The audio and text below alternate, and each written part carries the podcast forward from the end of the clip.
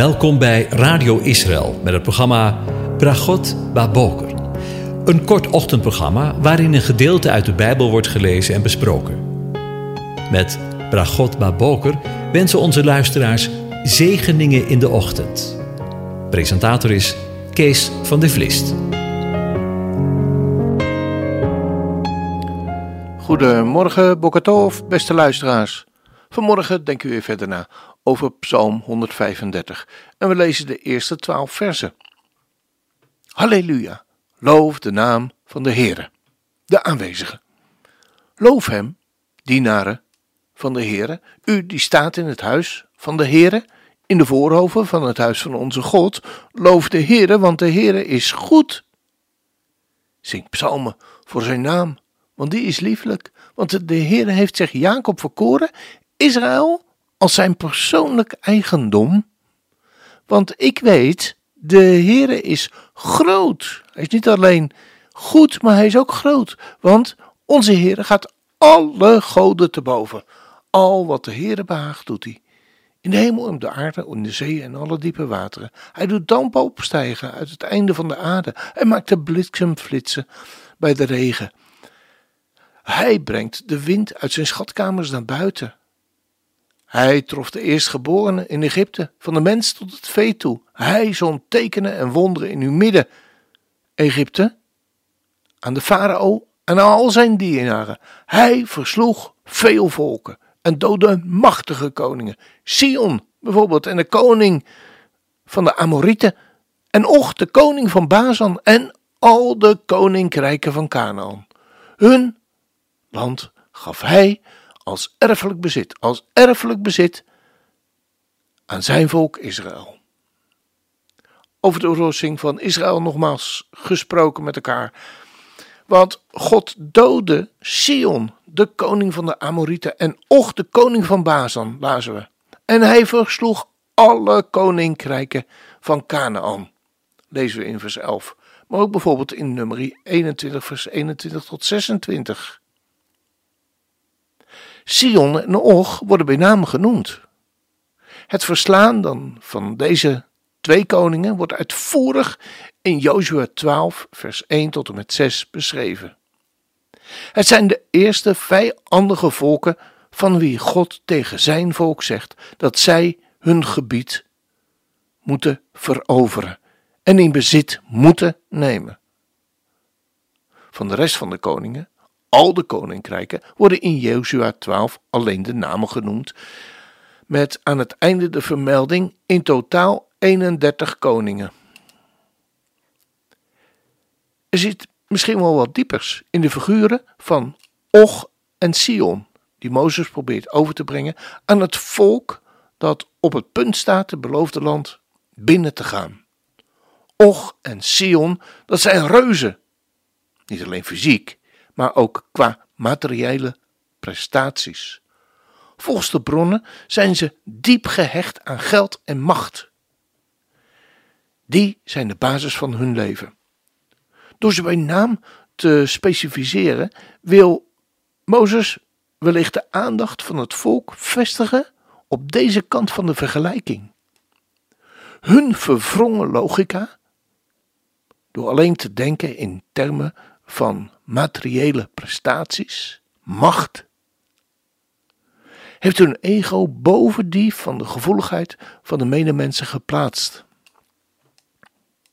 Ze zijn zo bezig met hun zelfpromotie en zelfrespect dat ze geen ruimte hebben om elkaar te helpen, zelfs niet in tijden van nood. Dit is het tegenovergestelde van wat Mozes wil dat het volk in het land Canaan is. Och heeft zich bijvoorbeeld voor de nederlaag van Sion niet laten waarschuwen. Hij rekende blijkbaar op eigen kracht en trok Israël tegemoet om het tegen te strijden. Zijn reusachtige lengte is af te, leiden aan de, af te leiden aan de maat van zijn bed. In vers 11 wordt dat genoemd. Hij moet grote indruk op Gods volk hebben gemaakt. We lezen namelijk in Deuteronomium 3, vers 11: Zie, zijn bed was een bed van ijzer. En bevindt zich niet in Rama van de Ammonieten, De lengte van was 9 L en de breedte 4 L, gemeten naar de elleboog van een man staat er. 9 L was dus de lengte van zijn bed. Meestal wordt er in de Bijbel gerekend met een L van ongeveer 52 centimeter. 9 maal 52 centimeter is, reken maar uit, 4 meter 68. Dan begrijp je ook de bemoediging van de aanwezigen. Dat ze niet bang voor hem hoeven te zijn en dat hij hem en zijn volk en zijn land in hun hand zou geven. De vorige overwinning, die over Sion, wordt als bewijs aangehaald. Zoals God sprak, zo deed hij.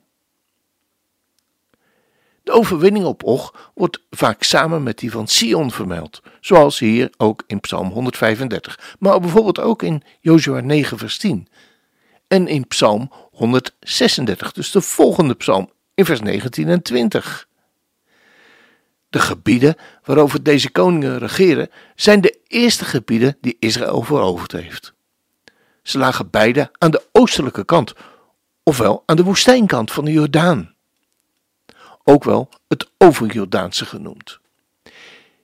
En in Sion ontmoeten we een mens die trots is en een verhard hart heeft.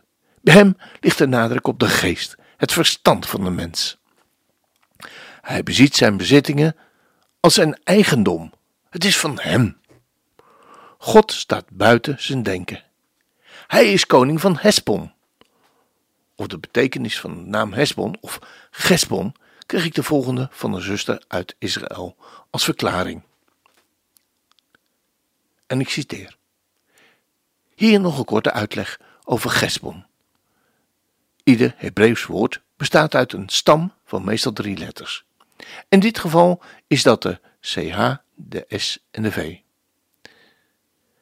Wat betekent denken of nadenken. Het woord gesbon wordt in het dagelijkse Ivriet van nu gebruikt voor rekenles op de basisschool, maar ook voor een factuur of berekening. Einde citaat. Uit deze verklaring kunnen we dus de toepassing maken dat in Sion, de koning van Gespon, iemand wordt gezien die steunt op zijn verstand, zijn intellect en God buiten zijn denken sluit. Maar we kunnen wel iets over Sion, de koning van Bazan, zeggen. Maar hoe zien wij bijvoorbeeld onze gezondheid en ons geld en onze bezittingen? En misschien moet ik de klemtoon wel nog even verleggen.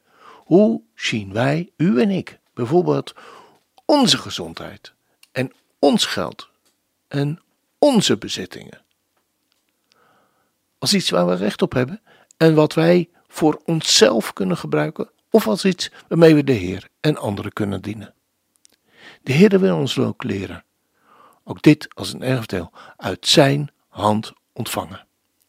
Want als dat geen zegen is,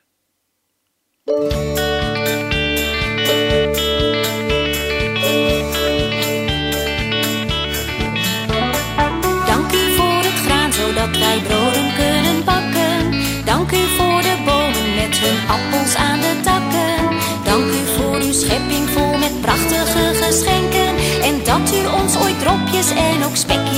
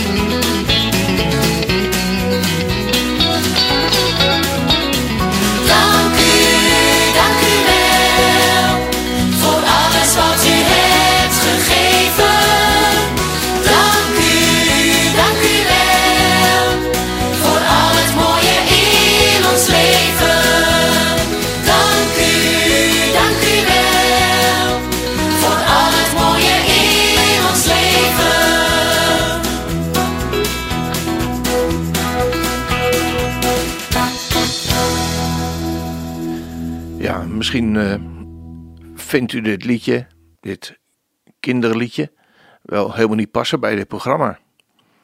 Uh, maar laten we ons alsjeblieft blijven beseffen dat alles wat wij in ons leven ontvangen, alles waar we denken recht op te hebben, ons huis, ons, onze auto, waar we soms heel prat op kunnen gaan, laten we maar eerlijk zijn, mannen. Want uh, wie is het eerste weg bij het stoplicht? Daar doen we nog wel eens uh, wedstrijdjes uh, voor. Ehm, onze gezondheid, onze baan, onze bezittingen, onze vakantie, onze. Er is helemaal niks van ons bij. We hebben het allemaal uit de hand van de Heer ontvangen. En wat vergeten we dat vaak? Zelfs als mensen aan onze spullen zitten misschien. Er is een kras op mijn auto gekomen. Ja, het is toch echt vreselijk hoor. Echt waar. En uh, u weet, ik heb, uh, ik heb een tuinhuisje. En uh, daar worden regelmatig worden er, ja, door mensen die dat blijkbaar nodig hebben, spullen uitgehaald. Op de een of andere manier. Of mijn kachel wordt aangestoken omdat mensen het s'nachts koud hebben en daar zwervers zijn. Je moet mensen soms eens horen. als er in hun huisje mensen gezeten hebben. Ze hebben mijn spullen weggehaald en, en, en nou ja, ze zijn helemaal over de toren. Maar laten we bedenken dat er van ons helemaal niets bij is. Helemaal niets van wat we allemaal denken te bezitten in deze wereld. We moeten het allemaal achterlaten. En ik weet het, we beamen het allemaal, maar beleven we het ook? Is het ons geld? Mensen zeggen wel eens: het laatste wat van een mens bekeerd wordt, is zijn portemonnee. En ik denk dat er een diepe waarheid in zit. Want het is ons geld en wij kunnen ermee doen wat wij willen.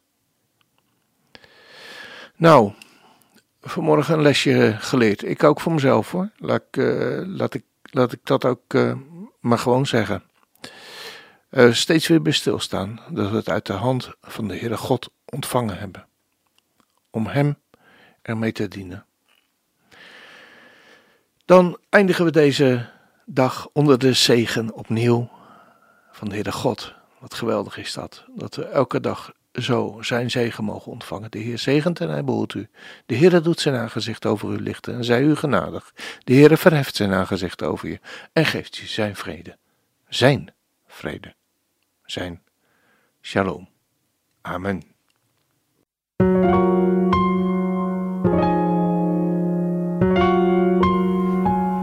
U hebt geluisterd naar het programma Bragot Baboker. Een kort ochtendprogramma waarin een gedeelte uit de Bijbel wordt gelezen en besproken. Wilt u het programma nog eens naluisteren, dan kan dat. Ga naar radioisrael.nl en klik onder het kopje radio op Uitzending gemist.